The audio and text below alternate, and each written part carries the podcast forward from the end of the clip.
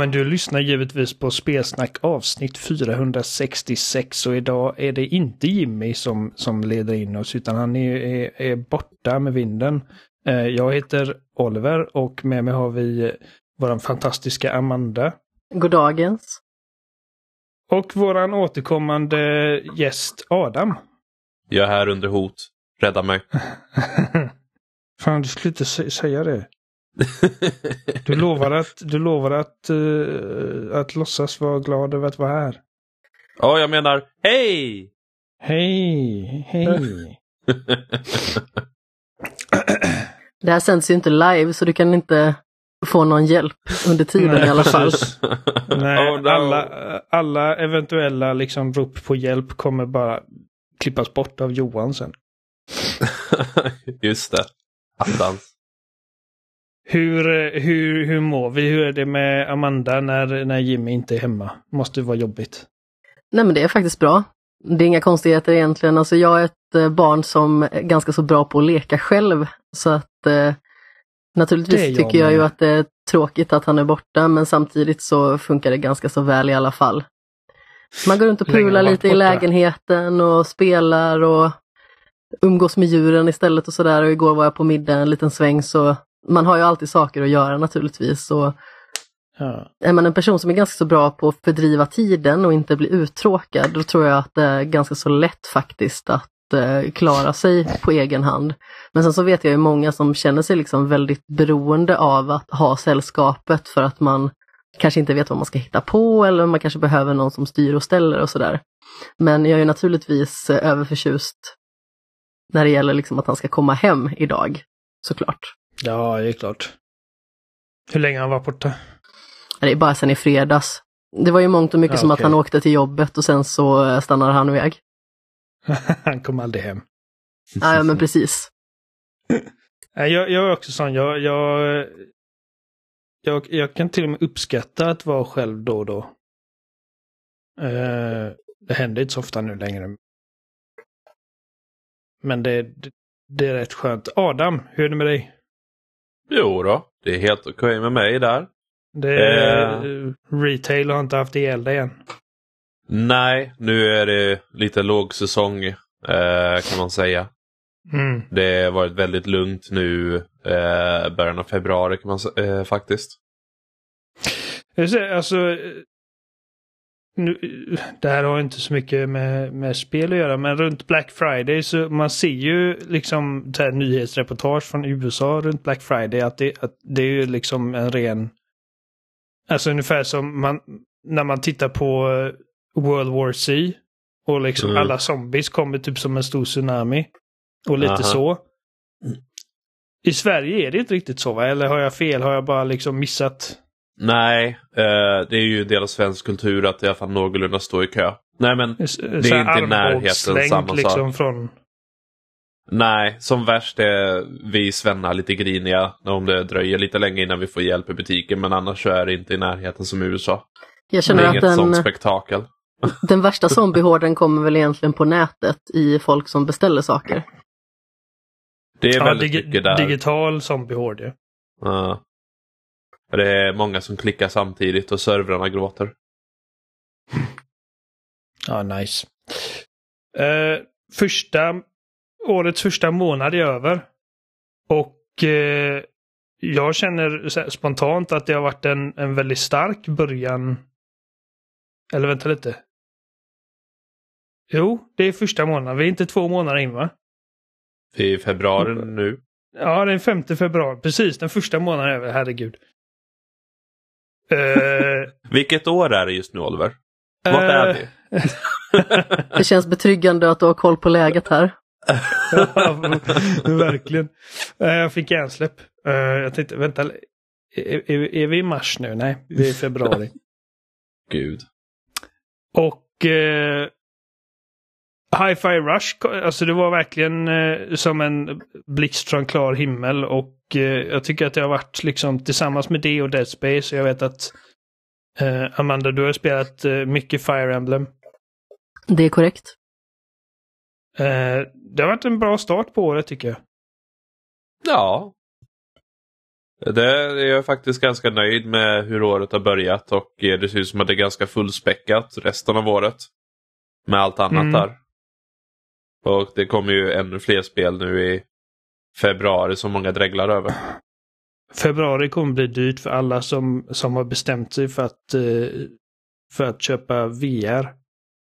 Mm. Ehm. men ja, alltså Dead Space kom... ehm, är det två eller en, en vecka eller två veckor sedan?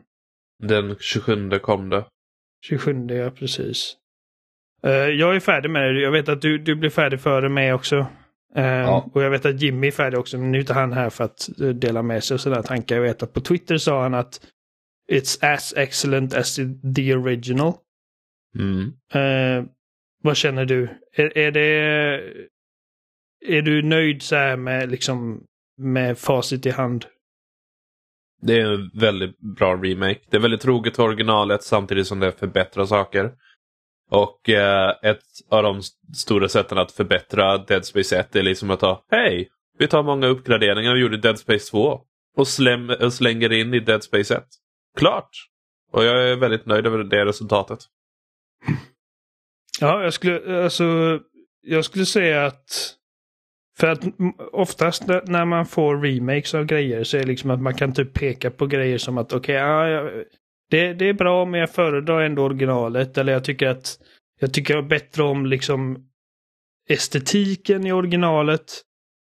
Um, eller hur de skötte det här och det här. Som, jag- har väldigt svårt att tänka mig att när Resident Evil 4-remaken kommer, att jag kommer liksom känna att okej, eh, detta är liksom bättre än, eh, än originalet på alla sätt och vis. Eh, den här remaken känner jag faktiskt är bättre än originalet på alla sätt och vis.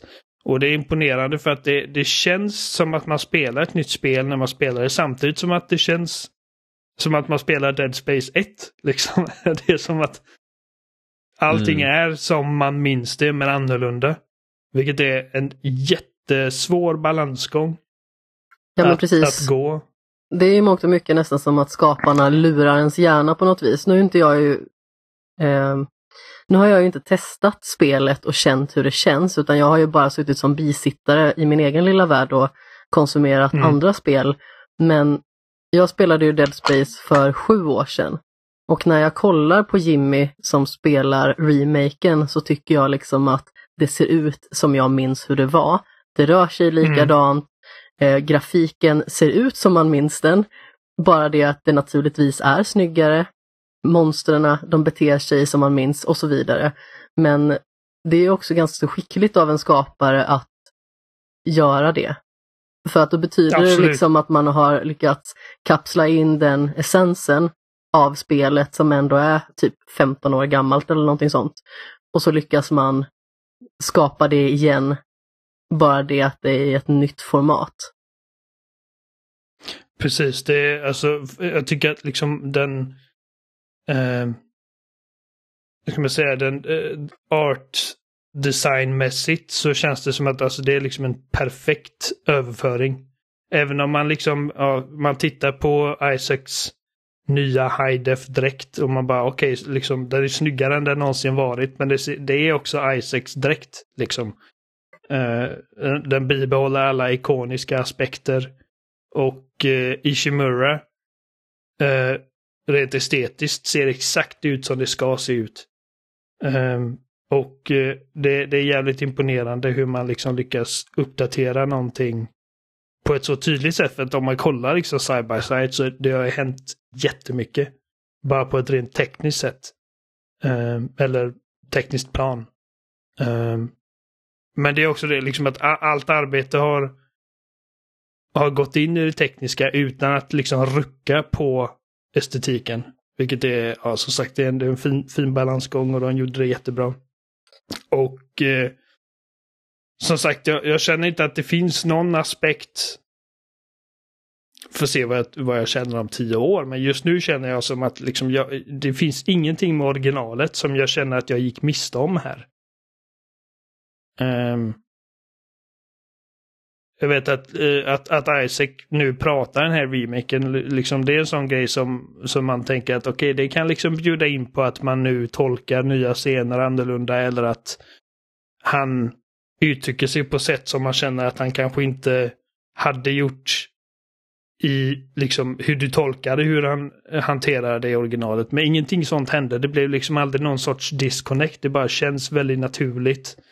Och de ändringar som har gjorts i storyn känns väldigt naturliga. Hur de sköter dels Isaacs familjebakgrund och eh, hans liksom relation till Unitology, den religionen de har i spelet.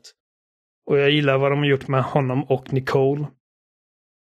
Um, mm.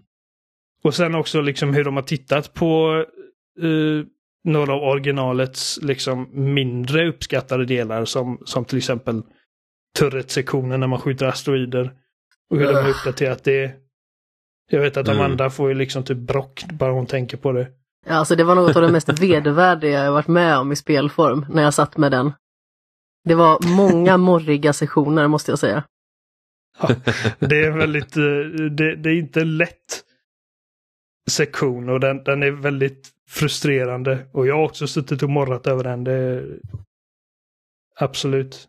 Eh, men i det här spelet så man har fortfarande liksom samma eh, liksom problem som ska lösas. Liksom att det, vi är ett asteroidfält och vi har inga kanoner som skjuter, som skjuter ut dem. Men de har liksom ersatt den eh, frustrerande turret-sektionen med någonting som är liksom roligare och mindre frustrerande men samtidigt liksom löser samma problem.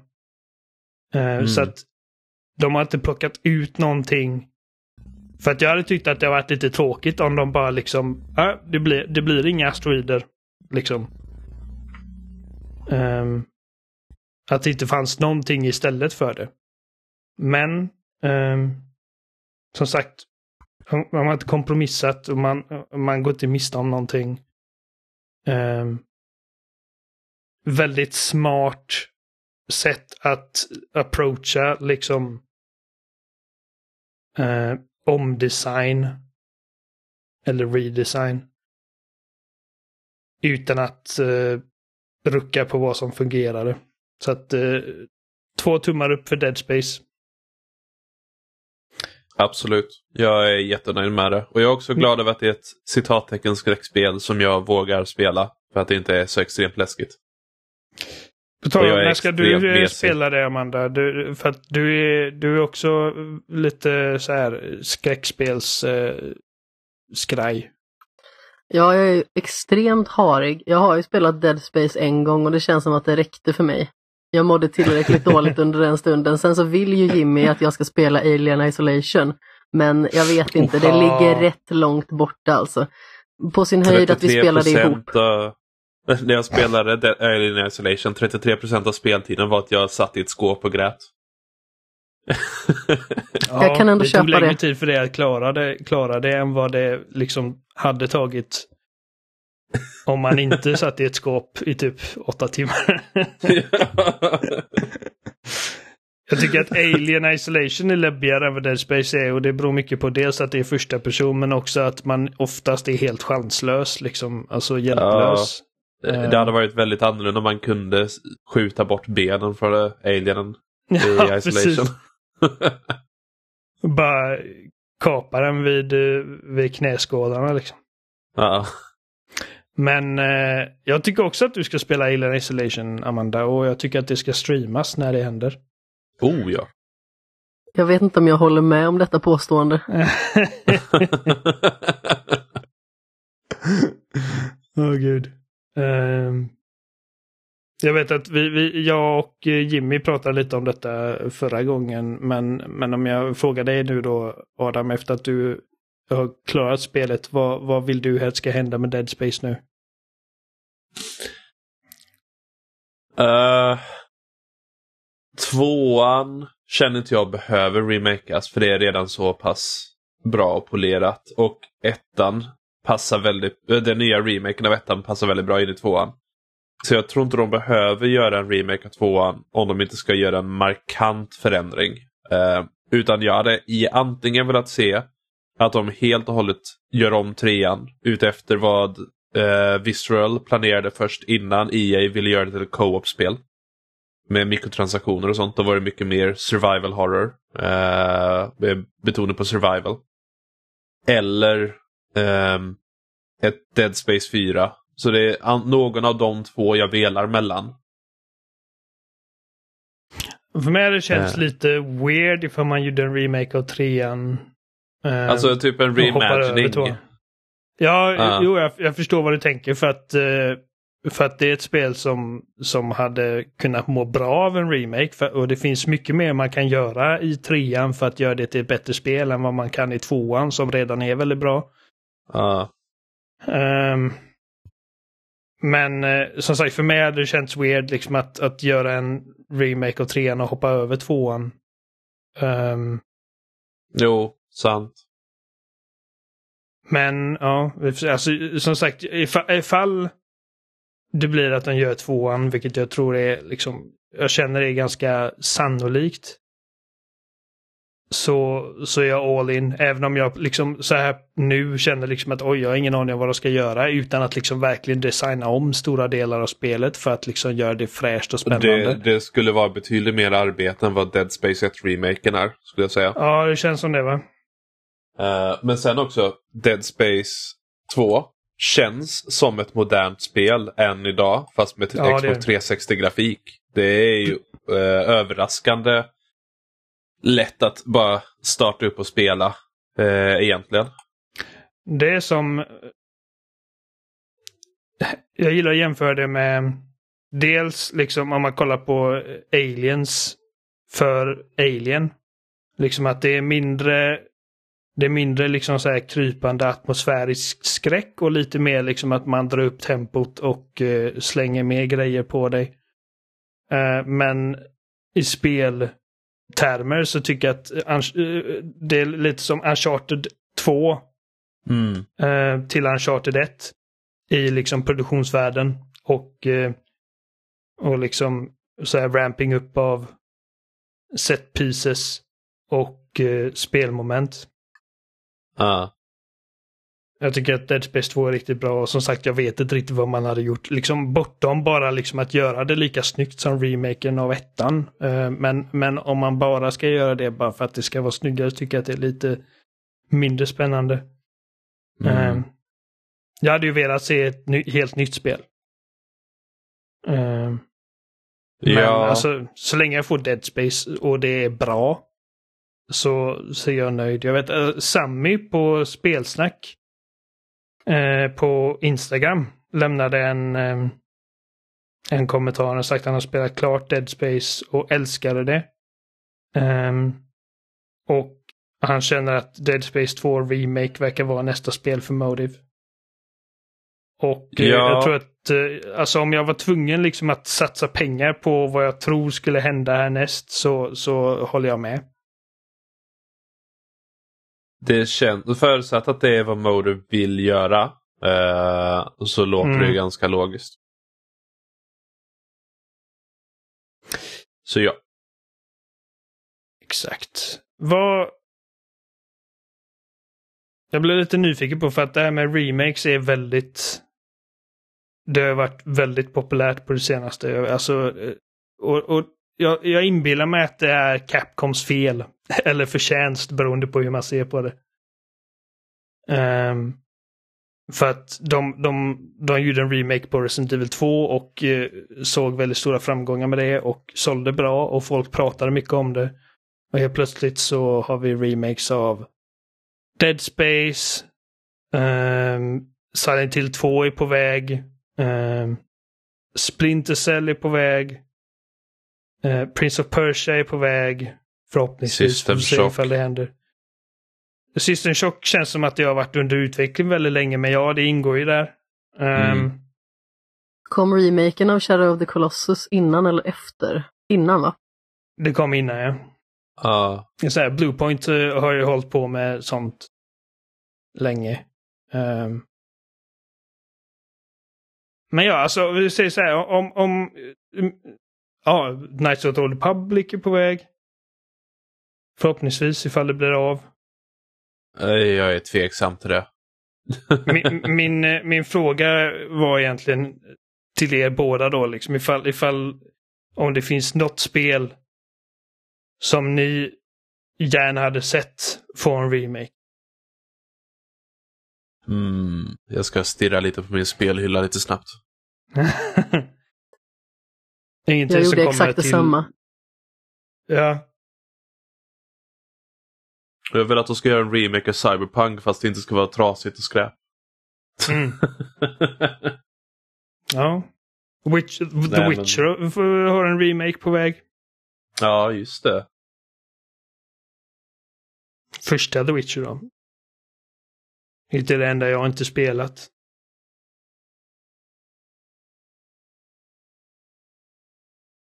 Jag sitter och funderar lite också.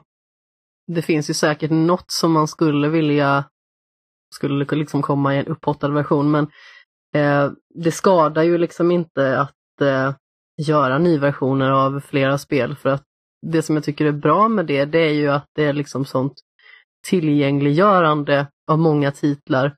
Vissa konsoler kanske är lite svårare att få tag på nu för tiden eller man kanske inte vill ha en gammal konsol för den delen.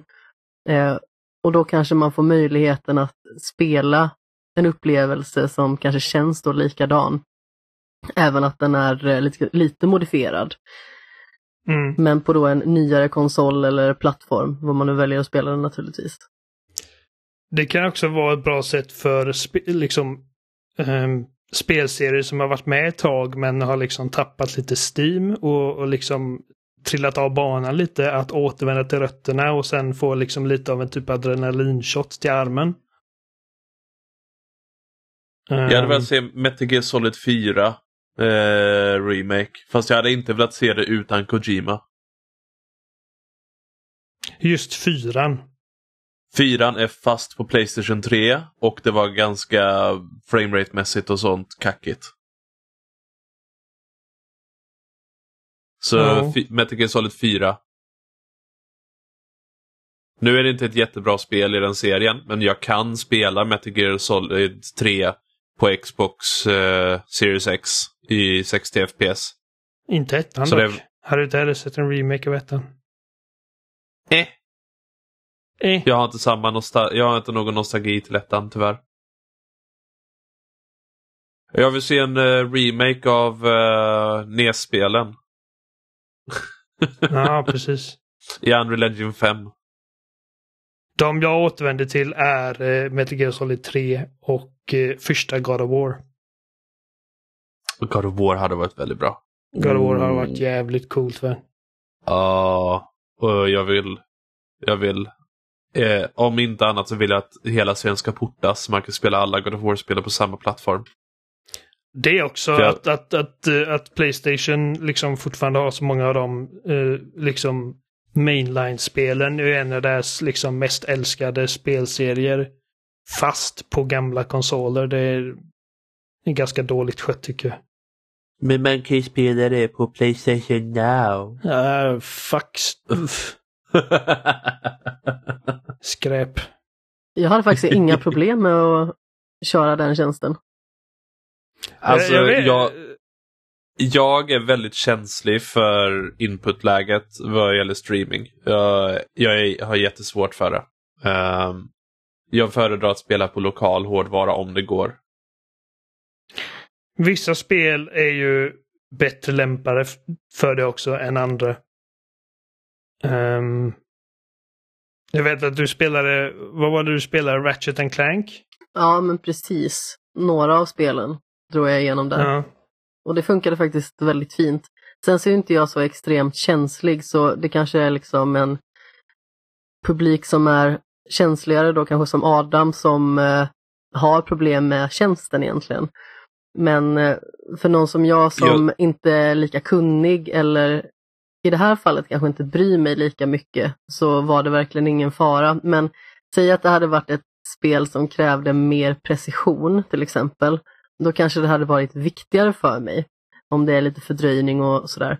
Men eh, jag vet ju till exempel att när vi skulle spela Super Mario Bros 3 och eh, vi satt med en eh, eh, handkontroll som eh, inte var trådad. Då var ju det ett jättestort problem för att fördröjningen var väldigt markant. Och när man liksom behöver fokusera på plattformsperfektion då blir det ju en helt annan sak. Så jag tänker Mm. liksom att det beror nog på väldigt mycket vilken typ av spelupplevelse man konsumerar. Ratchet Clank var det inga problem med. Men säg att jag skulle ha spelat till exempel Celeste. Då kanske det hade varit ett jätteproblem, Exakt. eller Super Meat Boy för den delen. Ja, och jag tänkte, eh, det jag tänkte säga var att jag tror att du hade liksom märkt av det mer ifall du spelade typ Sayonara Wild Hearts på det.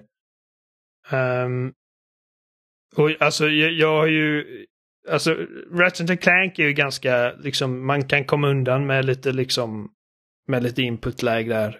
Uh, känner jag. Alltså jag har inte testat, men i teorin. Jag har testat grejer som typ God of War och andra actionspel.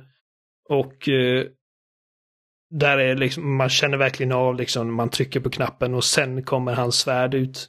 Um, och, eh, och det är inte bara Playstation Now liksom, alltså det är all form av streaming och liksom jag...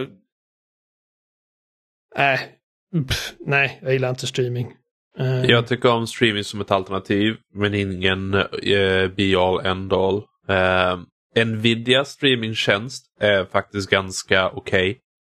Och det är faktiskt ganska bra eh, latens när det gäller Nvidias eh, tjänst också. Men jag hade aldrig bytt bort att kunna spela mina spel lokalt på min PC.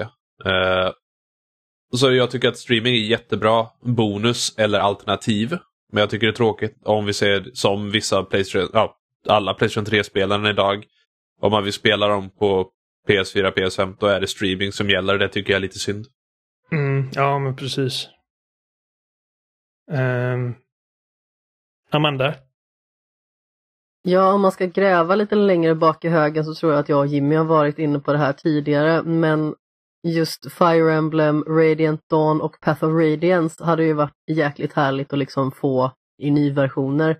Det kanske inte nödvändigtvis måste vara en remake utan kanske liksom bara att de släpps på ny konsol. Men det hade ju inte skadat att ha liksom en remake på de spelen för vad jag har förstått så ska de vara otroligt bra och spännande.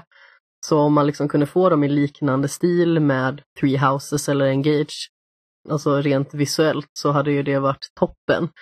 Och eh, kanske någon form av då duokopia, liksom när man då får eh, båda spelen i samma utgåva eller någonting sånt. Det hade ju varit kanon. För att eh, det är verkligen spel som jag hade velat spela, men det bär mig liksom emot att plocka fram en GameCube eller en Wii. Ja, ja det gör det. Koppla in så här komponentkablar och skart. Eh, På tal om Fire Emblem, det, du är fortfarande igång. Jag kommer inte ihåg vad det nya heter. Ja, det heter Engage. Engage, ja, precis. Är det, är det fortfarande kanon? Ja, alltså det är hur roligt som helst. Eh, som jag nämnde när vi pratade om det för eh, två veckor sedan så är det ju ett spel som dessvärre inte har en vidare engagerande berättelse. Det är ju ganska så pajigt och eh, ganska så slätstruket egentligen, vilket jag tycker är otroligt synd för att det som Three Houses gjorde så otroligt bra, det var liksom att de fick en som spelare att bli ganska så engagerad i de karaktärerna som man hade med sig, att bygga relation med dem, att se vad berättelsen var på väg för någonstans. Och jag ser Mm. ändå vad de har försökt att göra med den här berättelsen men det känns liksom inte tillräckligt. Och jag tycker liksom att den blir för ostig på något sätt i slutändan. Men jag har det jag otroligt roligt med den. Ursäkta. Eh, Det, det, jag, det jag tänkte fråga var liksom som ett fan av Fire Emblem, hur viktig är storyn eh, generellt? Alltså generellt sett tycker jag inte att den är så otroligt viktig. Så det är Jag inte en spel, spelserie som du spelar för storyn primärt? Liksom. Nej men precis, alltså det är inte det att jag avbryter spelet och absolut inte kan röra det mer bara för att berättelsen inte är så intressant. När det gäller liksom de spelen som jag har spelat i serien, så visst det finns väl absolut delar av berättelser som har varit väldigt spännande och eh, jag har ju spelat eh, alla på 3DS till exempel och det är liksom gedigna bra spel men jag känner liksom inte riktigt att jag har brytt mig om karaktärerna så enormt mycket liksom på det stora hela. Men i förra spelet så kändes det liksom som att planeterna stod i linje och de fick till typ alla aspekter egentligen.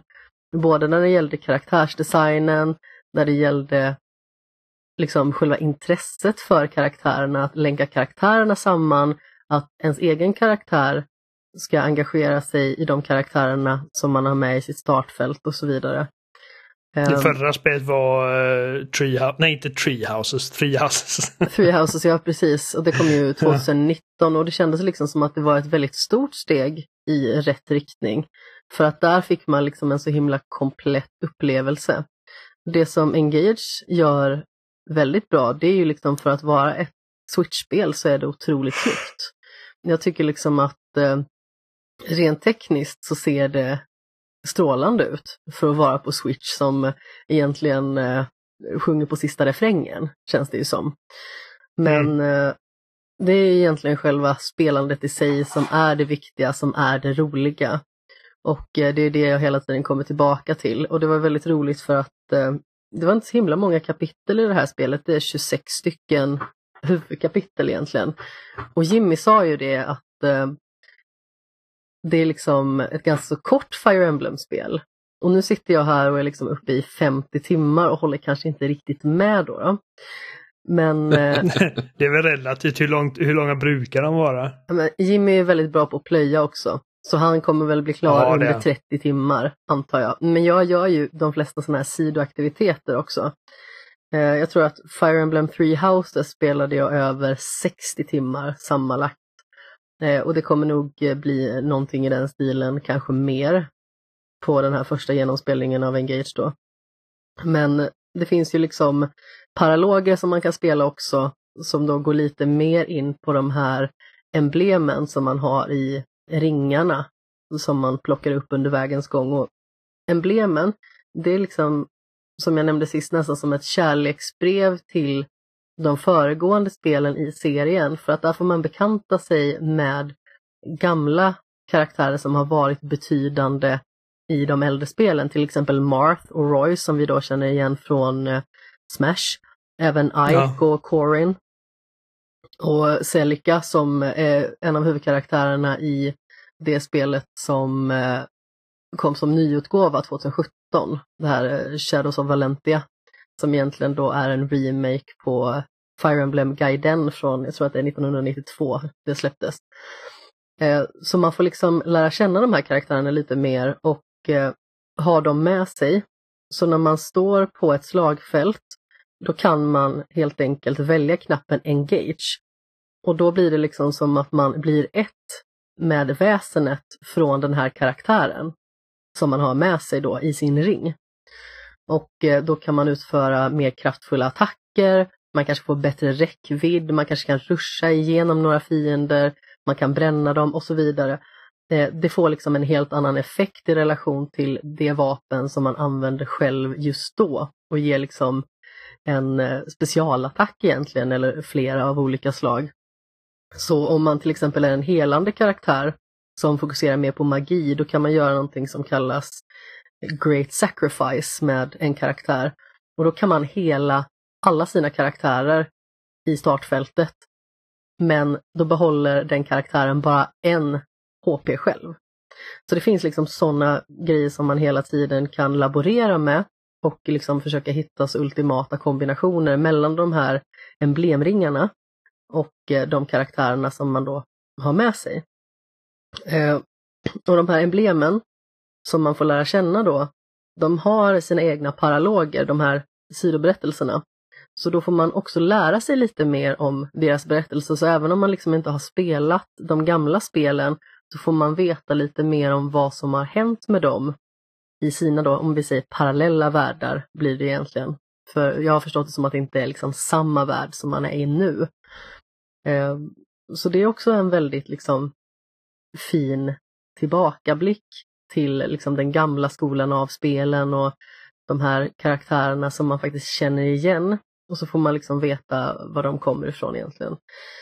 Så det är liksom en trevlig sidoberättelse och sen så får man liksom då i de här paralogerna också slåss mot dem. Så då blir det nästan som en, en testbana. Så det är också ett bra sätt att uppgradera sina karaktärer. Samtidigt som man får lära sig lite om eh, bakgrunden till eh, vissa karaktärer som då kommer från andra spel. Så det blir ett eh, väldigt härligt mervärde ändå. Så även att det kan kännas lite pajigt och lite ostigt med Alltså det ganska så typiska egentligen japanska rollspelsbiten, alltså det här med, ja, med minnesförlust och kärlek ja. övervinner allt och liksom lite sådana grejer. Så det finns väldigt många bra komponenter i spelet. Det är synd att liksom inte alla klaffar lika bra som Three Houses. Men jag tycker fortfarande att det är ett jätteroligt spel. Det är roliga system och Fire Emblem är ganska så lättillgängligt på det sättet att det är tillräckligt djupt för att man verkligen ska känna att okej, okay, jag behöver tänka efter. Jag kan liksom inte bara ställa min karaktär här och hoppas att den mular någon. Eh, för man behöver liksom tänka efter, bara, hur kan den här karaktären röra sig här borta? Kommer den ge mig på nöten om jag ställer mig här? Sen så kör inte jag med permanent död heller, eh, för att jag är en fegis. Så att eh, mina karaktärer återuppstår ju liksom efter striden, de bara drar sig tillbaka, de dör ju inte helt. Eh, men eh, då måste man ju liksom tänka så att man inte förlorar någon längs med vägen. För att då är ju de liksom ur spel. Så man vill ju liksom inte stå där med en liten kotte kvar. Eh, och det blir ju skitjobbigt när man liksom har sju korrupta fiender som är på väg mot en. Liksom. Men, eh, mm. ja, men det är ett väldigt roligt sätt att spela på. Jag har en personlig favorit som har blivit eh, väldigt stark. Det är en eh, vargryttare som kastar knivar som är verkligen grym. Eh, och det finns många karaktärer i det här spelet också som eh, har räckvidd, för det är fortfarande liksom ett form av rutnät, bara det att det liksom inte är det är inte markerade rutor som det var innan utan det ser lite mer fritt ut och karaktären springer faktiskt runt när man rör på den då. Ehm, men många karaktärer har liksom då möjlighet att faktiskt ehm, då eh, skjuta på en annan karaktär om man kanske kastar en yxa eller om man använder magi och så eh, på avstånd. Så då slipper man liksom väldigt mycket av den här biten då att eh, man måste gå in i närstrid med karaktärer. För det gör ju också att det är lättare att man förlorar hälsa. Så det är ganska så intressant hur man kan positionera sina karaktärer då i de här striderna. För att man kan liksom ställa sig och vrida och vända ganska så mycket på det.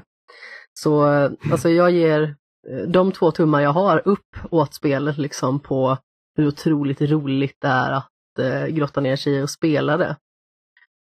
Absolut. Du har för få tummar. Ja, eller hur? Det är ju lite synd.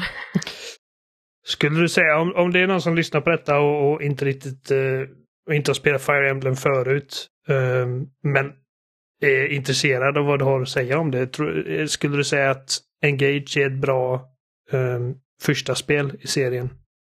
Jag tror faktiskt det när jag började spela så kändes det faktiskt ganska så lätt i relation till de tidigare spelen. Nu spelar jag på så att säga den normala svårighetsgraden, jag spelar inte med permanent död. Men det är sånt som man kan liksom skräddarsy för sig själv hur man vill spela det. Men det kändes ganska så lätt inledningsvis och när man väl kommer in i spelet då har man ju börjat få kläm på det och när då svårighetsgraden ökar då är man förmodligen så pass inne i stridssystemet och hur man ska tänka med liksom den här schackmässiga strategin egentligen, hur man ska positionera sig och så, så att då borde det inte vara några problem. Så jag säger egentligen, i och med att det inte på något sätt är eh, ihopkopplat lika tydligt mellan de här olika Fire Emblem-spelen, mer än att Engage liksom eh, skickar en stor hommage till serien som stort, så går det liksom att ta det här först utan tvekan och sen spela Three Houses för att eh, ja, det känns som att det är rätt ordning. För att spelmekaniken och strategierna, de sätts väldigt lätt och bra i det här spelet. Det känns väldigt tillgängligt på det sättet för en spelserie som är notoriskt utmanande. Men samtidigt så när man går in då på Three Houses till exempel, då, då får man hela den här eh, mysigheten. Man vandrar runt på den här skolan, knyter an till karaktärer. Eh, jag vet att Jimmy har jättesvårt för de här tebjudningarna, men jag tycker att det är lite gulligt egentligen, även att det är eh, problematiskt att man kan börja dejta sina elever. Men sen så blir det ett litet tidshopp så att de är lite mer rimliga i ålder och sådär. Men eh, där får man i alla fall lite mer berättelse, lite mer mysa runt, lite mer tydligt rollspelande. Här är det liksom mer den rena strategin som eh, suger in mig i alla fall. Så mm. testa Engage och sen kör på med Three Houses. Och tycker man liksom att sablar, det här är bra, som jag också tycker, eh, och man har en 3DS till exempel, ja men införskaffar och Awakening, något av Fate-spelen. Eh, det som är fint med Fate, det är ju att det finns olika versioner så att man får liksom uppleva olika berättelser med samma grund. Eh, och sen så finns ju den här eh, Fire Emblem Echoes Shadows of Valentia också som är en remake på det andra spelet i serien då. Så testa på! Trevligt. Uh, jag, jag har provat ett Fire Emblem-spel, det var Awakening till 3DS. Och eh, jag tyckte det var en väldigt trevlig början. Men sen kom jag på, just det, det här är på 3DS.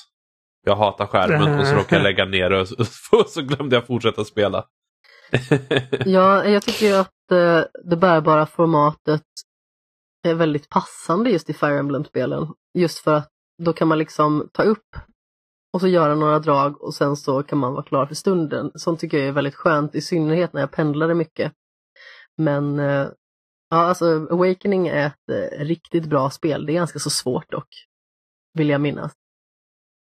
Framförallt ja, jag slutstriden var vidrig. Ah. Jag har det kvar liggandes hemma någonstans. Jag tror jag kan plocka upp det igen och bara testa.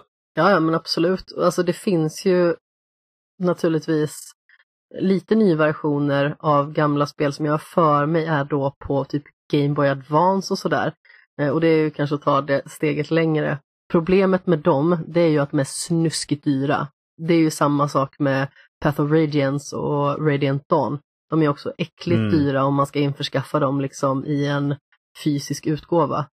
Nu har jag ju personligen den turen att om det inte kommer någon ny version så kan jag ju liksom eh, tack vare min blivande man ta del av de här spelen utan att ens fråga. det är en bonus. Ja, eller hur? Man fick ett väldigt stort bibliotek med spel på köpet. Så det kan man ju tänka på när man blir ihop med någon. Har de många spel att spela? Inspektera deras hyllor först. Ja, ja men precis. Är det bara en mal liksom i hyllan, då kanske man borde omvärdera. Fullt av Fifa-spel. Leta vidare.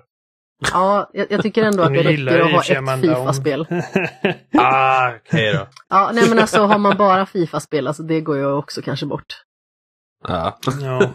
Fifa, Assassin's Creed.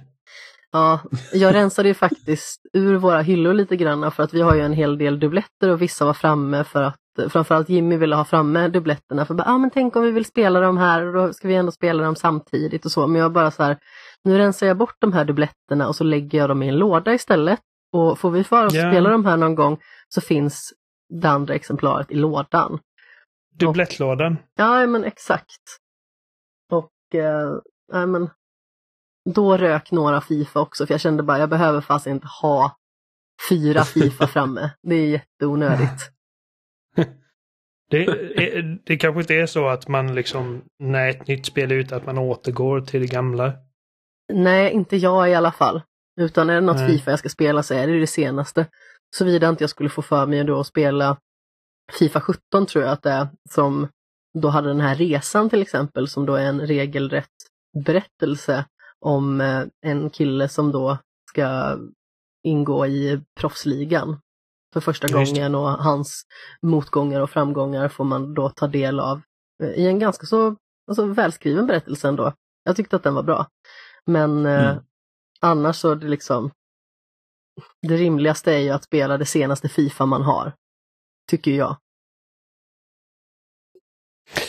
tal om... Eh, eller ja, nu pratade vi om Fifa sist, men jag tänkte när vi pratade om gamla Fire Emblem-spel, så på tal om gamla spel. Eh, jag och Adam, vi har pillat lite på Goldeneye 007 64 på Xbox. Mm. Eh, och jag tänkte fråga dig Adam, eh, är detta fortfarande tidernas bästa FPS? Uh, alltså hade, vi, hade Doom Eternal och Titanfall 2 inte existerat, kanske. Nej men. jag vet inte om det var tidernas bästa FPS ens då. Det var tidernas liksom, kanske mest populära FPS vid den tidpunkten. Alltså jag, jag har ju spelat, uh, jag tror jag har spelat fyra banor ungefär. Uh, fyra kapitel. Liksom så. Uh, jag är på Siberia, uh, Sever, uh, Severnaya-delen nu. Mm. och jag tycker det är ganska trevligt spel faktiskt. Jag tycker det känns fortfarande bra att röra sig och, och sikta och sånt. Det är ganska följsamt. Ja, det är välanimerat faktiskt för att vara ett gammalt N64-spel. Alltså, uh. 60, 64, alltså Playstation 1, eh, Nintendo 64. Eh, den generationen är ju alltså tveklöst den generation av spel som åldrats absolut sämst. Eh, för det mesta vill jag hålla med, men ja, ja jo, eh, när det gäller 3D-spel absolut. Alltså okej, okay, om man kollar på typ, alltså Visst, jag spelar väl hellre Nintendo 64-spel än typ um, vad heter det? Uh, Atari. Hey. Ah, ja. Alltså liksom där, typ E.T. på Atari, den generationen. liksom så innan uh, ni, uh, liksom NES kom. Ah. Uh, men NES och framåt så finns det ingen generation jag känner har åldrats sämre än 64, den första 3D-generationen. Ja. För liksom Amanda kan ju skriva på liksom att spel som Super Mario 3, liksom de håller fortfarande. Definitivt. Eh, liksom Super Nintendo, eh, den designen liksom och grafiken den används fortfarande. Um, mm. Och eh, det blev liksom lite bättre liksom den andra tredje generationen med GameCube och PS2 och Xbox. Um, har, du, har du liksom en, en relation till Goldeneye sen innan? Uh, jag kommer ihåg att jag spelade det uh, när jag var yngre hos klasskamrater och så. Och jag, kom, jag tror jag spelade i demonstrationer i butiker också. Så, vi, så jag har ju eh, spelat det, men jag har inte spelat Goldeneye på säkert typ nästan 20 år. Nej. Nej eh, det... Inte på riktig hårdvara i alla fall. Men fick du liksom, får, får du lite så här nostalgikick av att spela detta? Alltså jag blir ju, jag tycker det är charmigt att spela vissa äldre spel. Speciellt eh, spel som jag vet liksom var med och eh, varit historiska hörnstenar för genren. För innan Halo Combat Evolved kom och bestämde hur shooter skulle vara. Eh, liksom massa år framåt så var det ju Goldeneye ja. som var konsolstandarden eh, nästan. Ja. Eh, eller ribban att ta sig över. Så jag tycker ja, det är väldigt alltså, skämmigt. Det, det satte ju inte riktigt en standard för resten av industrin men det var det spelet som folk kände liksom att det här funkar bäst. Ja, bara, ah, den här skjutaren är bra, men det är inte Goldeneye. För jag vet liksom spel som, alltså men jag tyckte väldigt mycket om Turok. Eh, Turok 2 på Nintendo 64. Mm. Men de kontrollerar man genom att man, man gick fram och tillbaka och strafade med eh, pilknapparna. Ja. Uh. Och styrde siktet med spaken. Och det, det är ju det en ganska modern, äh, det är en modernare lösning. Det är en modernare lösning, absolut. Um, ja. För att uh, i Goldeneye så har du inte lika mycket, det, det, är typ som lite Metroid Prime. Alltså Metroid Prime uh, hade du inte heller liksom. Uh, du, du kan hålla inne en knapp för att få liksom free aim. Både i Metroid Prime och Goldeneye men spelet är inte designat för att liksom det krävs av dig. Du liksom bara eh, pekar ditt vapen i liksom fiendens generella riktning. Ja, och jag- trycker jag- avtrycken. Jag tycker faktiskt att autotargeting känns ganska bra i det här spelet. Ja. Eh, men det är för dels för att spelet är så pass välanimerat med hur vapnet fungerar, man, hur, det, hur Bond riktar bössan och siktar på de olika fienderna. Jag tycker det ser och, och eh, spelas väldigt bra. Så jag har faktiskt autotargeting igång när jag kör. Ja, men. Ehm, däremot den här porten som har kommit. Ja. Eh, jag har inte spelat N64 på riktig hårdvara på 20 år typ. Men när jag har kollat lite YouTube-klipp. Visst, det är fortfarande här utomhusbanor. Då kan texturerna och, så, och eh, världen se lite vibrerande ut. Lite warbly. Mm. Men eh, jag har märkt en massa saker som att jag ser eh, textursprickor, jag ser eh, jag kan se till exempel eh, i sån här Siberiabanan. Om jag tittar mot den här väggen av träd. Så kan jag se en annan vägg av träd genom den väggen eller att eh, staketen eh, eller räckena på vissa byggnader är transparenta och syns igenom varandra och sånt. Jag bara, Ja, det... Det- är inte, det är inte en felfri port. Nej, den känns ganska billig på ett sätt. Visst, och jag har jag hört många... att eh, Switch är ännu värre. Ja, då, då tror jag de... På Switch tror jag de använder den vanliga emulationsmjukvaran som de andra N64-spelarna använder och den har ju inte alltid varit helt felfri om man säger så. Nej. Jag har faktiskt inte Eh. testat Nintendo 64-spel på, på Switch eftersom att det kostar mer. Jag, jag är inte emot att testa. Det var att det var ju så problem med emulatorn när det kom. Annars hade jag jättegärna provat det.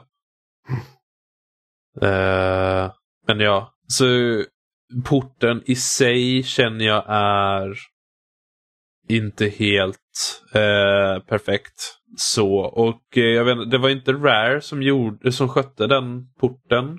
Väl? Det är något annat företag. Tror jag inte.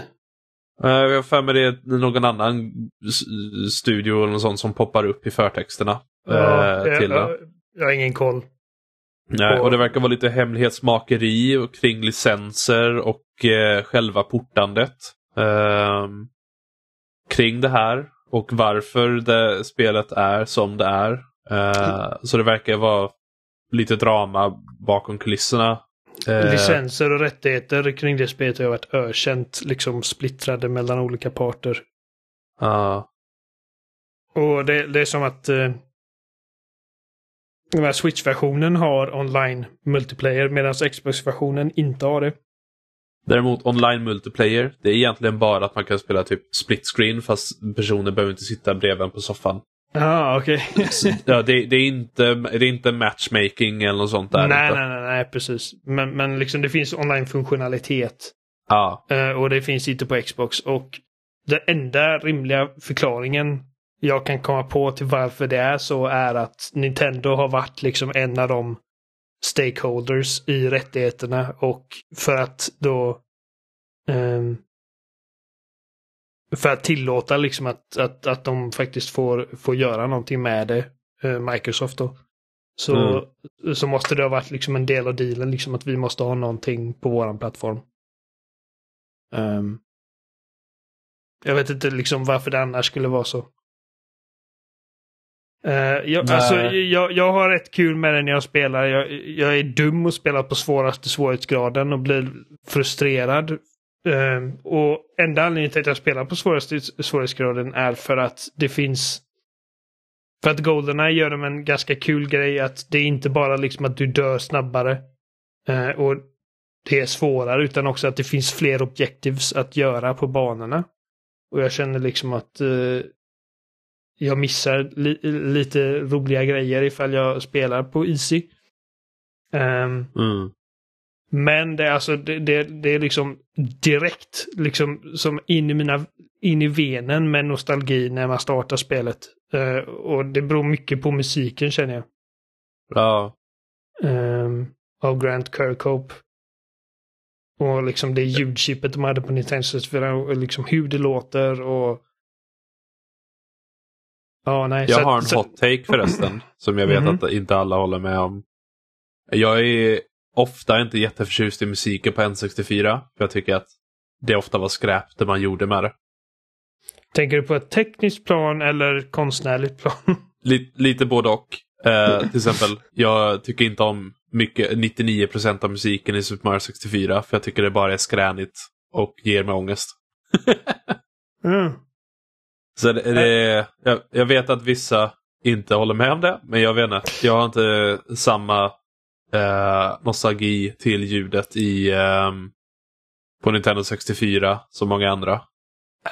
Jag, jag, jag känner inte att eh, Nintendo 64 liksom i sig nödvändigtvis har liksom spelhistoriens bästa musik. Det är just liksom i det här fallet som musiken Ah, verkligen Jo, det här, det här spelet har eh, kick soundtrack, det håller jag med om. eh, liksom hur de typ emulerar elgitarrer och, och, Ja.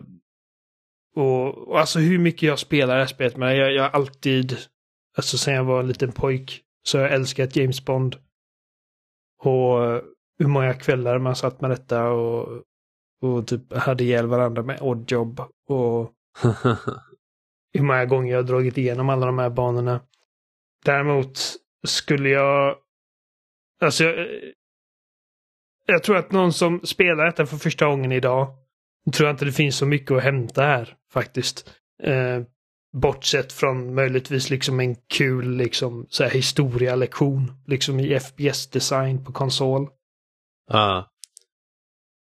Eh, för att det har åldrats eh, ganska tungt.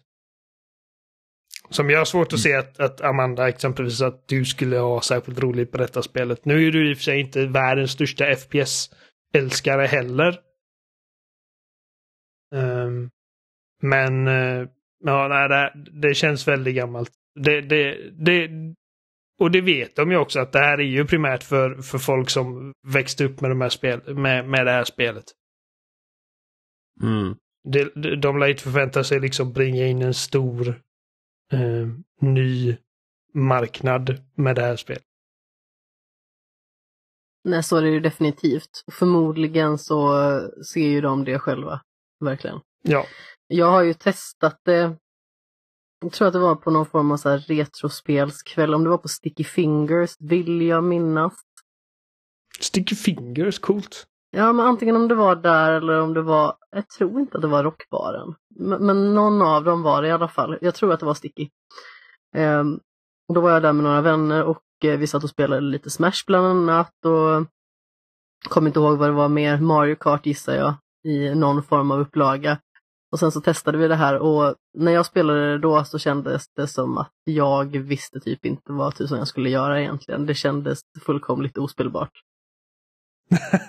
ja, precis. Jag kan tänka mig.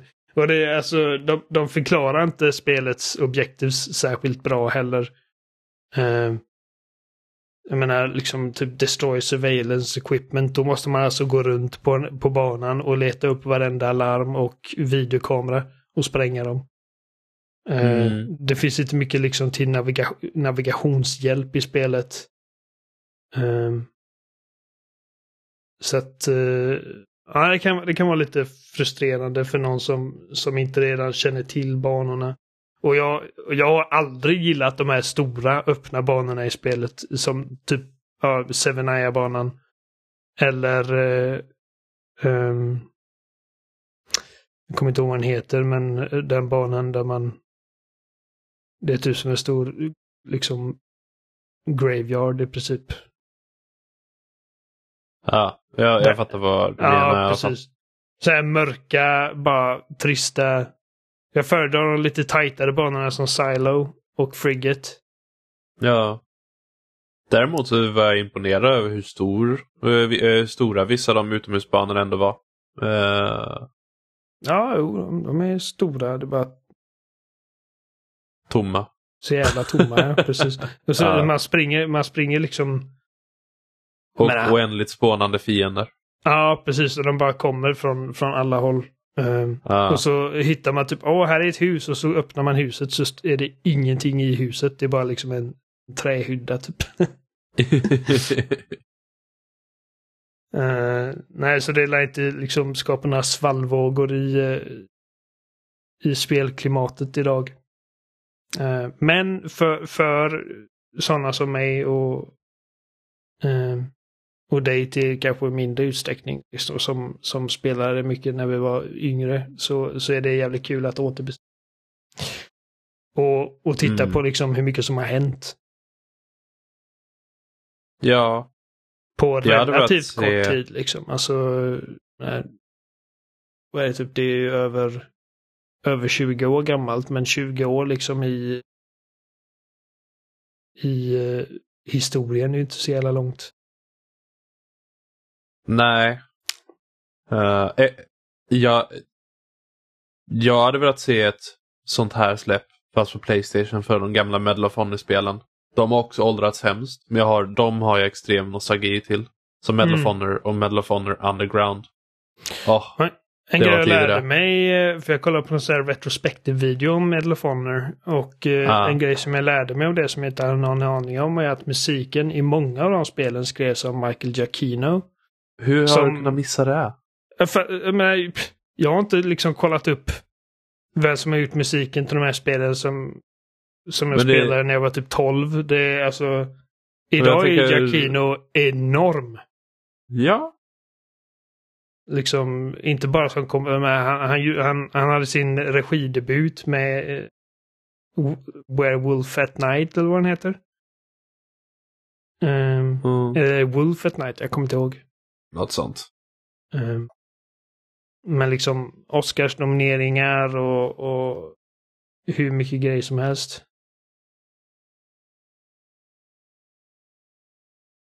Ja, men Ja. alltså, of Honor, det var bra saker. Mm. Mm. Eh, jag tänkte att vi kanske skulle börja avrunda. Jag tänkte för imorgon.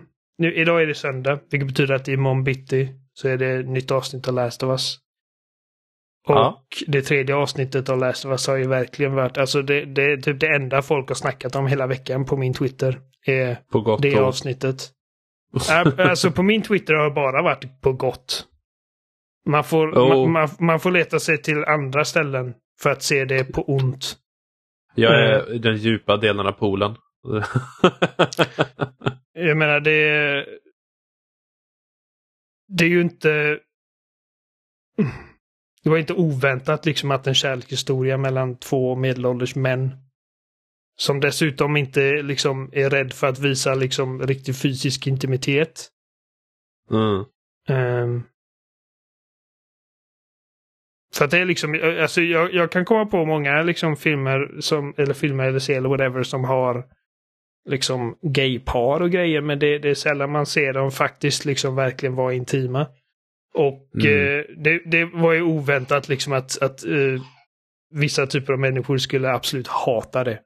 Så att, jag menar nu, nu, eh, jag tror att alltså, det är säkert 80% av alla typ betyg som, som det här avsnittet fått på IMDb antingen 10 eller 1. Ah. Så- Jag tror att det var någonting på 50 var 10 av 10 och någonting på höga 20 var 1. Ja, ja, men precis något sånt. Liksom så här review bombing. Bara Åh, bort med era eran politisk korrekthet och era bögigheter. det, är alltså, det, är, det är intressant att se folks hjärnor rinna ut ur öronen på dem när de pratar om det här avsnittet. Ehm, Jag tror att det roligaste jag såg var en, eh, en eller Facebook-kommentar på typ en escapist-artikel eller någonting. Eh, Och sa Ja. att jag kunde inte sova på, eh, på, på flera dagar efter att jag såg det här vidriga. Och jag bara, vad fan.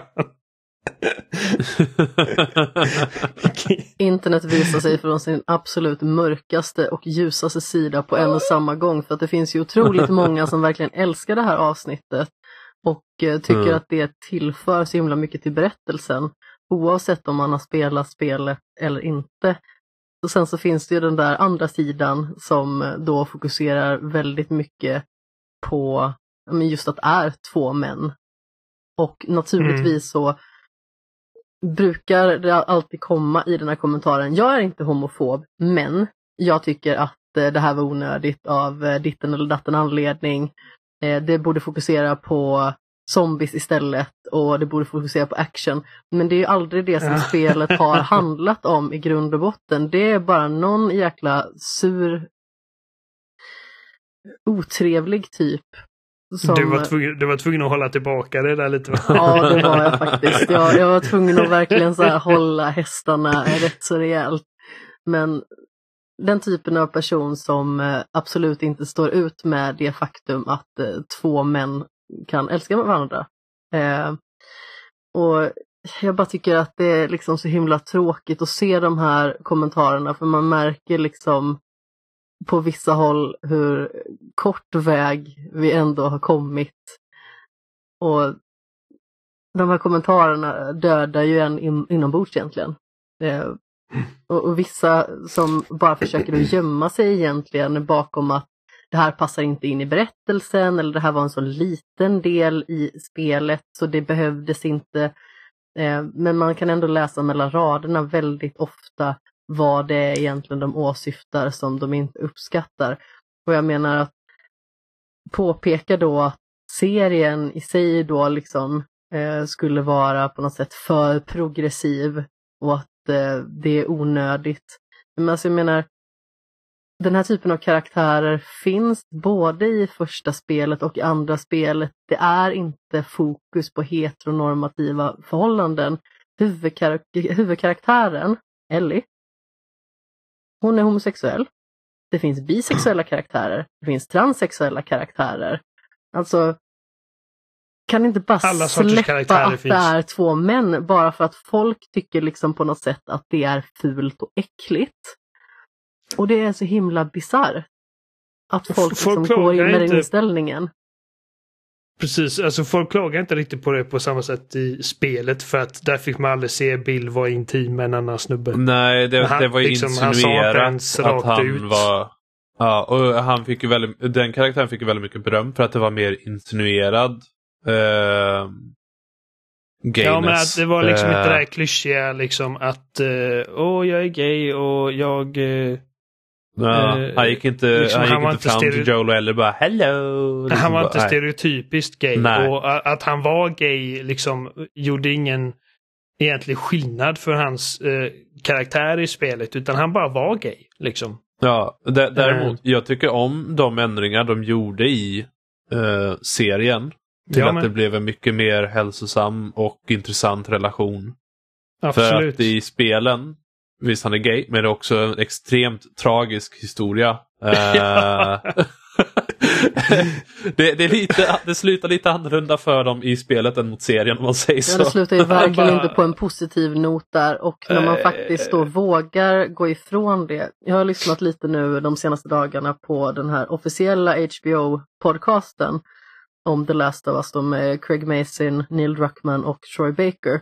Och där går de ju liksom in på lite granna hur de har tänkt när de har försökt, försökt att adaptera det här till en tv-serie och sådana grejer som man faktiskt kan inkorporera som är egentligen svåröversatta till ett spel. Jag menar Mm. den här typen av avstickare som det egentligen är, där man får följa den här relationen och dess utveckling. Det är svårt att göra i spel, för att då kommer man i mångt och mycket förmodligen behöva sitta i cutscene i 50 minuter. Ja men precis. Det är... Och det blir Det liksom man. svårt att åstadkomma. Och Om man då inte är förstår jag Kojima. att det, Ja, precis. Förlåt, fortsätt.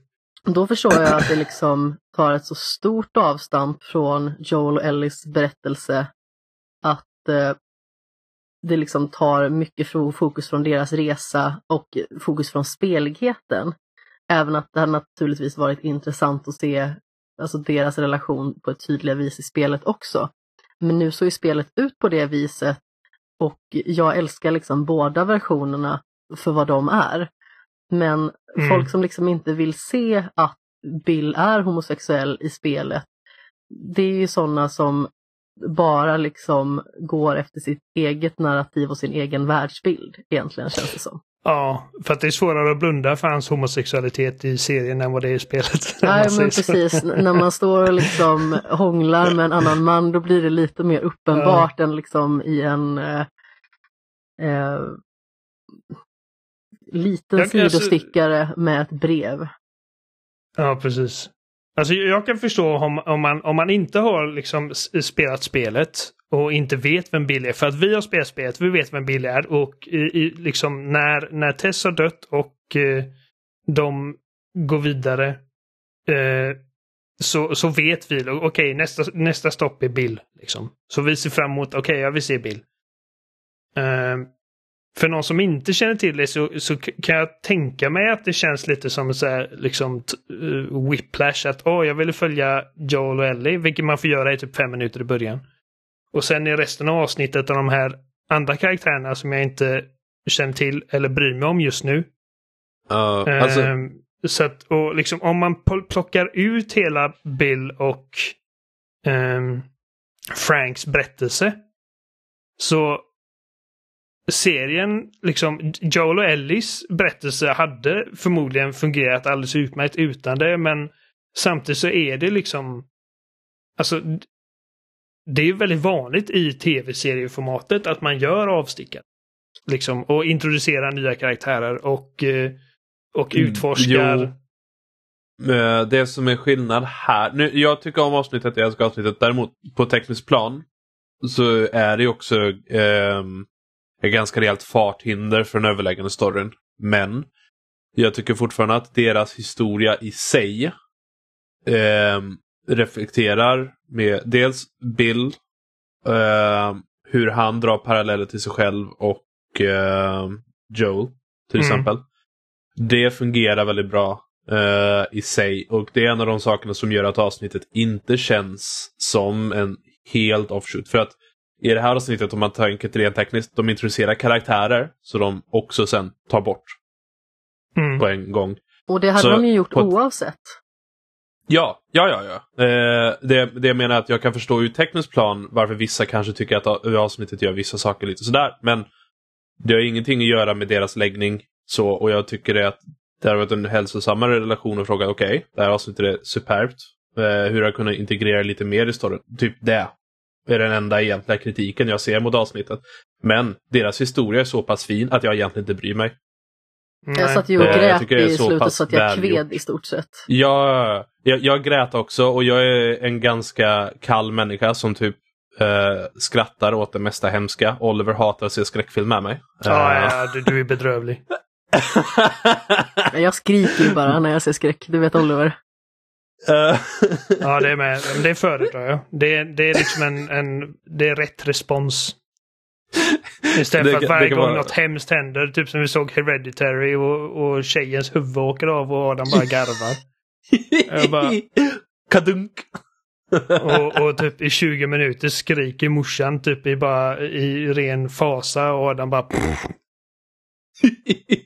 Nej, han, Jag du är hemsk. jag tycker i alla fall.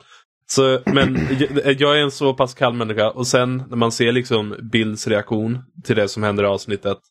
eh, att han gråter och jag, jag sitter i soffan och gråter och jag skriver till Oliver, jag vill inte se Bill gråta. Ja. Och, så äh, det var ett väldigt effektivt avsnitt ändå. Och väldigt, ja absolut. Det, alltså, och, och jag, jag känner att även om jag inte hade vetat liksom vem Bill var från, från spelet så hade jag ändå liksom... För att jag är generellt sån i, när jag kollar på serier. Att varje gång det introduceras en ny karaktär som jag inte bryr mig om så är jag bara, men jag bryr mig inte om de här, jag vill tillbaka till huvudgänget. Eh, Mm. men till slut så liksom, okej, men nu, nu bryr jag mig. Och eh, jag hade, jag hade definitivt liksom ehm, blivit engagerad i, i Bills och Franks historia ganska snabbt för att jag tycker att den är väldigt väl genomförd. Och det är bra tempo i den också. Liksom att man stannar liksom inte länge i i liksom nuet innan man känner liksom att okej nu hoppar vi fram ett par år och jag älskar liksom hur det går från att liksom de möts och i princip blir störtförälskade direkt. Eller åtminstone känner liksom någon typ enorm attraktion till varandra. Till att bara cut forward och han bara fuck you och sticker ut huset. Liksom. och det är liksom, det kändes så äkta liksom för att det, det, det är liksom relationer är, det är konflikter. Och, Ja, stor del så bor de ju ensamma också och har liksom bara varandra att förhålla sig till. Och precis. eh, där blir det ju liksom förmodligen att man känner att man trampar varandra på tårna om och om igen. Just bara för att man Mm. har ju väldigt olika inställningar till alltså både kanske livet och eh, hur man vill leva det. Och Bill är ju lite mer den här praktiska personen som eh, egentligen försöker se till att allting bara funkar.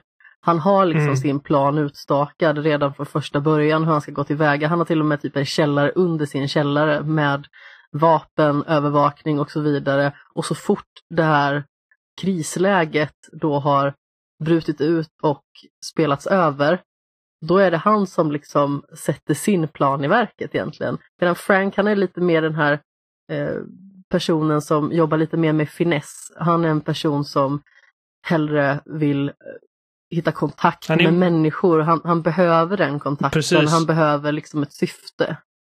Han är en vårdare. Inte bara av, liksom, av Bill utan också sin omgivning och, och huset och trädgården. Liksom han, han tar hand om saker. Ja men precis. Han vill leva för något. Precis. Och, och det, liksom, de kompletterar varandra på ett väldigt fint sätt. Ja, ja men verkligen. Och det jag känner med det här avsnittet det är att det ger så otroligt mycket mervärde. I synnerhet när man har spelat spelet, nu har jag kanske spelat det fem, sex gånger. Och då betyder det faktiskt väldigt mycket att få se någonting annorlunda. Att man liksom får se vissa tillbakablickar också som gör att man kan knyta an ännu mer till karaktärer som kommer in lite där på snedden igen som man tror liksom har gått helt förlorade. Det är liksom sådana avstickare som man tydligare kan göra nu i tv-serien. Jag känner mig som en otroligt mycket mer rikare människa liksom med den här upplevelsen. Och när det liksom gäller min relation till spelet också. För att det Ja, känns absolut. liksom som att jag bryr mig ännu mer om spelet på grund av att jag liksom får den här bakgrunden då till karaktärerna som eh, Neil och company liksom förmodligen har suttit med på ett liksom pappersstadie men inte inkorporerat liksom med sån fyllighet för att det är ett spel som ska vara x antal timmar och man behöver ha de här momenten och man behöver överväga hur mycket spelighet ska vi ha, hur mycket eh, exponering av de här olika grejerna ska vi ha, hur mycket berättelse Mm. ska vi fokusera på, hur långa ska de här scenerna vara. Det är liksom en svår avvägning att göra. Och jag, ska, alltså jag är så himla nyfiken på att se vad de liksom fortsätter härifrån. Man vet ju ungefär vartåt det barkar, men jag ser gärna lite mer sådana här avstickare just bara för att få världen att bli fylligare. Och det är faktiskt eh, rätt underbart att eh, liksom känna sig nyfiken på en upplevelse som man egentligen kan typ utan och innan och när vissa scener där en karaktär säger en sak, då sitter man nästan och mimar med och vet att den här karaktären kommer svara det här. Eh, så det är ju liksom väldigt likt på många sätt. Men jag uppskattar liksom att det finns andra scener som drar en ur spelet och mer in i tv-serien. För det var så jag kände med, med det, det avsnittet då. Så, Du sätter, du sätter ord väldigt bra på nästan exakt hur jag känner också. Att jag ser fram emot att se hur det skiljer sig. Jag, jag, jag vill se saker ändras för att jag, jag känner liksom att spelet är där. Jag älskar spelet men det kommer alltid vara där och jag behöver inte se exakt samma igen. Så att eh, jag tycker att det är liksom bara en sån jätterolig, för att jag tycker att eftersom att det är så liksom eh, troget i andan, originalet, eh, så känns det som att även om Troy Bakers version av Joel och Pedro Pascals version av Joel är liksom två olika tolkningar av samma karaktär. Så känns det ändå som att jag liksom i serien får chansen att lä, liksom se nya sidor av samma karaktär. ja men verkligen. Ehm, Ehm, när och, man då och även med upplever... Ellie. Ja, ja men exakt. Eh, det var ju någonting som sattes väldigt bra ord på i den här podcasten också. Där de då pratar om till exempel vissa minspel som Pedro Pascal gör eller hur han reagerar i vissa scener och det är ju liksom sånt som saknas i spelet lite grann i vissa fall eh, och som inte har funnits där förut när vissa saker sker. Eh, och det är ju liksom sånt som blir så himla härligt då att utforska. Det är de här små detaljerna också som utgör en skillnad som eh, gör serien till någonting eget. Och jag tycker liksom att det är en väldigt vek ursäkt av folk liksom att de vill att spelet och serien ska vara i stort sett exakt samma. För att det är liksom viktigt för dem när det gäller typ det här avsnittet och som en avstickare. Men då kanske man borde jobba lite mer med sig själv och sina egna åsikter och värderingar. Ja, men, istället. Ja, men folk, det, det, är bara att folk vet, folk vet inte vad det är som krävs för att göra liksom en bra film eller en bra serie. De, de vet inte vad de vill ha. För att det, alltså jag ser så ofta, liksom när man kollar typ på hur Netflix är, äh, äh, den nya Net, Netflix-adaptationen av Resident Evil och hur folk hatar den. Och så många som säger att ta bara exakt storyn i första spelet och gör en serie av det. Hur svårt ska det vara? Och jag bara, fan vad det är sugit röv. Liksom jag alltså... älskade Resident Evil adaptationen. Jag älskar den. Den var så dålig. jag älskar, jag, jag, jag blev ledsen när de eh, cancellerade säsong två. Jag bara, nej, jag vill se mer. Det blir liksom så himla krångligt när man ska översätta ett spel till en tv-serie och sen så finns det ganska så mycket alltså actionsekvenser. Även om de liksom inte är då, om vi säger explosioner och eh, folk som flyger runt till höger och vänster, så är det ju ändå att det är karaktärer som för sig fram i olika typer av eh, moment där man då kanske måste eh, smyga förbi eller döda eller i, som det hade varit i det här avsnittet då, ducka fällor till exempel som Bill har satt ut. Jag menar, vi vet mm. redan att han har gillat fällor för att han fångade sin man igen. ja. Så att det är liksom så här, vi behöver inte se Joel och Ellie eh, kräla runt och ducka och försöka ta sig undan det här och vi behöver liksom inte se när de liksom stöter på alltså, andra typer av zombies till exempel. För det kan man göra senare i alla fall. Det är liksom inte viktigt mm. på det sättet. Nej, men så, om vi ska liksom börja avrunda kanske eh, lite grann så vill jag bara säga att jag eh, Alltså, jag tänkte på det här avsnittet jättelänge och kunde liksom inte släppa det. Det liksom levde med mig så pass länge liksom i, i själen och i tanken och man liksom kände det också väldigt tydligt. Och det är inte så himla många upplevelser, upplevelser som åstadkommer det egentligen. Liksom det här när man känner att man har någonting inom sig som, som väcker känslor och hjärnan vandrar hela tiden iväg till den här specifika saken som är upphoven till det. Så jag tycker liksom bara att eh, det är så fenomenalt jobbat och, och vågat också. Att ta det här lilla steget åt sidan bara för att fördjupa upplevelsen ännu mer. Mm.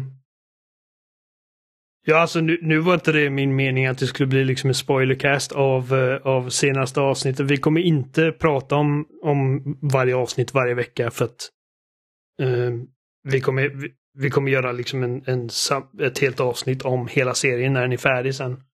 Um, men jag, jag vill bara komma in på det för att det, det, är få grejer som har diskuterats så mycket just den här veckan som, som det här avsnittet. Till och med min pappa har liksom hört om det och eh, när jag refererade ja. till det så visste han vad jag pratade om. Mm. Och eh, alltså Last of Us, vilken, vilken Ja, vilket, vilken pangserie det har varit hittills alltså. De har verkligen mm. skött det bra. Um, och de har uh, greenlightats för säsong två så att... Uh, och att det ska vara baserat på Part 2. Ja, även om Craig Mason sa att han är osäker på om um, om spelets Part 2s story är liksom en säsong eller två säsonger. Jag tror att de kommer förmodligen göra det till två. Eller det är i alla fall äh, det lilla, vad ska man säga? Uh -oh. Det är den eh, tankebanan som jag har vandrat runt i i alla fall. Med hur de ska Min fortsätta. magkänsla håller med. Eh, och jag tror inte att de kommer hoppa liksom... fram fem år. Nej men precis, det kommer bli liksom för mycket tid eh, som ägnas åt att man liksom ska knyckla ihop allting i nio avsnitt, om det nu är det eller tio. Så jag tror faktiskt att eh, de skjuter sig själva i foten om de försöker skapa en säsong av hela andra spelet. För nu skapar de liksom en säsong av ett spel som är Mm. typ hälften så stort. Mm. Och ja, och inte bara liksom för att alltså första spelets story känns som att det är väldigt väl eh, adaptable till en säsong av en tv-serie medan tvåan är så det är liksom inte bara att det är ett större spel utan också att det är liksom väldigt mycket hopp fram och tillbaka liksom av vad som Det är händer. ett väldigt komplext spel eh, Ja. i jämförelse. Ja, verkligen. Eh, det, det är liksom inte från start, det är inte från punkt A till B utan det är väldigt liksom, och många olika perspektiv. Många Så- karaktärer. Ja, Ja, och i vilken att, ordning eh, ska de ta vissa saker liksom som händer? När, ja, när ska information delges? Vilken information ska delges? Ja. ehm, ja det, jag, jag, jag, jag, att ser mest på. fram, jag ser mest fram emot vilken tra eh, trashfire det kommer vara när folk bråkar om det på nätet. Säsong två av bråk på nätet, hurra! ja. Stackars Pedro Pascal, han vet inte vad som väntar. Ehm, ja, nej men nu ska vi se. Nu har vi pratat i ungefär en och en halv timme. Jag tycker att det var det är ett bra ställe att eh, avrunda på där känner jag. Um, så imorgon, eller för oss, eh, när ni lyssnar på detta så, så har ni redan sett avsnittet. Men vi, vi ser fram emot att se det imorgon. Um, förhoppningsvis håller de momentumet. Uh, Jimmy är mycket bättre på den här rulliansen men ni hittar oss som vanligt på alla våra sajter, spelsnack.com. Ni kan mejla oss på kontakt at spelsnack alternativ typ Uh, typ, typ Oliver ett uh, eh, spelsnack eller Amanda ett spelsnack eller Jimmy, något av våra förnamn. Ni hittar oss på Twitter, spelsnack. Uh, Youtube, spelsnackpodd tror jag vi heter där. Jag tror vi heter spelsnackpodd på Instagram också. Det kanske vi gör på Twitter också, jag kommer inte ihåg. Skriv jättegärna till oss. Uh, berätta vad ni tycker om Last of Us-serien. Um, hur, hur, hur känner ni över ändringarna som har gjorts? Uh, hur tror ni att säsong två kommer se ut? Uh, vem vill ni se i rollen som Abby? Uh, alla, alla era tankar, vi vill ha dem. Um, Ja, Adam. och tveka inte Mm. naturligtvis. Jag vill bara göra den lilla Mm. instickaren på att skicka till oss ifall ni känner att det är någonting. Jag fick ju den här eh, podden som ett tips av en lyssnare just, Daniel. Så tusen tack för det. Det har förgyllt eh, x antal minuter under den här helgen. ja. ja, podden är bra. Jag vet att Adam har inte vågat kolla på den för han tycker att Troy Baker är så pretentiös. Och han är lite Han pretentiös. är det. Men, eh, men, men det är faktiskt en bra podcast. Eh, Han är inte och- så jätteinkluderad i den heller, utan det är ju mer Craig och Neil som Ja, han är värden egentligen. liksom. Eh, han ställer frågor till dem och, och, och, ger, och bara liksom delar sina reaktioner och sen frågar hur de tänkte och så. Och det, det är intressant som ett fan av spelet och ett fan av tv, liksom att, att, att lyssna på de här två, liksom dels då Neil som är speldesigner och spelmanusförfattare och sen det där Craig som är showrunner för tv. Och hur de liksom angriper olika eh, sakfrågor på olika sätt och hur de arbetar. Det, det, det har varit väldigt intressant. Så ja, den, och det är inte jättelånga avsnitt heller så att det, det är liksom det är bara perfekt liksom så här eftersnack efter varje avsnitt varje vecka. Ja, och sen så är de så sabla gulliga mot varandra också, att man nästan får ont i tänderna. Alltså de är Det supersöta. är riktigt så här ryggdunka liksom att åh, jag är ditt största fan. Det bara, nej, jag är ditt största fan. Ja, fast alltså, det blir inte jobbigt ändå. Det kan det ju lätt bli liksom. Men det känns ändå som att de har en väldigt vettig dialog. Men jag tycker att det är liksom så himla fint hur de liksom sitter och försöker lyfta fram varandra också. Ja, nej men jag älskade det här spelet så jag blir så himla spänd på att jobba med dig. Och, eh, och sen från andra sidan, jag såg och sen såg jag serien. Tjernobyl. Jag var helt fast, jag måste ha honom. Ja, precis. Ja, men det är verkligen alltså en bra team-up mellan de här två personerna. Det, det, är, det är verkligen rätt personer för rätt jobb. Och planeterna har liksom stått i linje. Um, så det är eh, jättekul. Um, Adam, uh, var hittar man dig? Uh, nu för tiden för det mesta bara på Twitter. Uh, ett Adel90. Jag brukar skita om filmer, serier, spel jag nyligen sett och ibland posta mm. kattbilder. Och mobiltelefoner. Ja, och mobiltelefoner. Ja. Mer katt. oh ja. Amanda, vill du plugga någonting? Jag vet inte riktigt direkt. Um, vi har ju släppt vårt uh, Shame of the Year avsnitt på skämshögen. Så det får man ja. gärna lyssna på. Då går vi igenom spel, filmer och tv-serier från fjolåret och vad vi tyckte var bäst. Och sen så kommer det också den här veckan släppas en episod där vi pratar om år 2023. Den är ju lite sen, men eh, det blev liksom att allting sköts lite framåt på grund av att eh, Skämshögen firade 100 avsnitt. Så det blev lite senare, men det kommer naturligtvis, ja, we kommer naturligtvis då eh, prata om vad vi ser fram emot och sådär. Peppisod, du är så check. jag check. Check. Okej, okay, men eh, då, då tackar vi för, eh, för oss den här veckan. Tack för att ni lyssnat. Ytterligare en vecka, herregud. 466 avsnitt. Gal. Så, hörs vi nästa vecka och vi kommer säkert höra mer från Adam-podden också. Tack för oss. Så, så hörs vi. Hej på er. Hej då.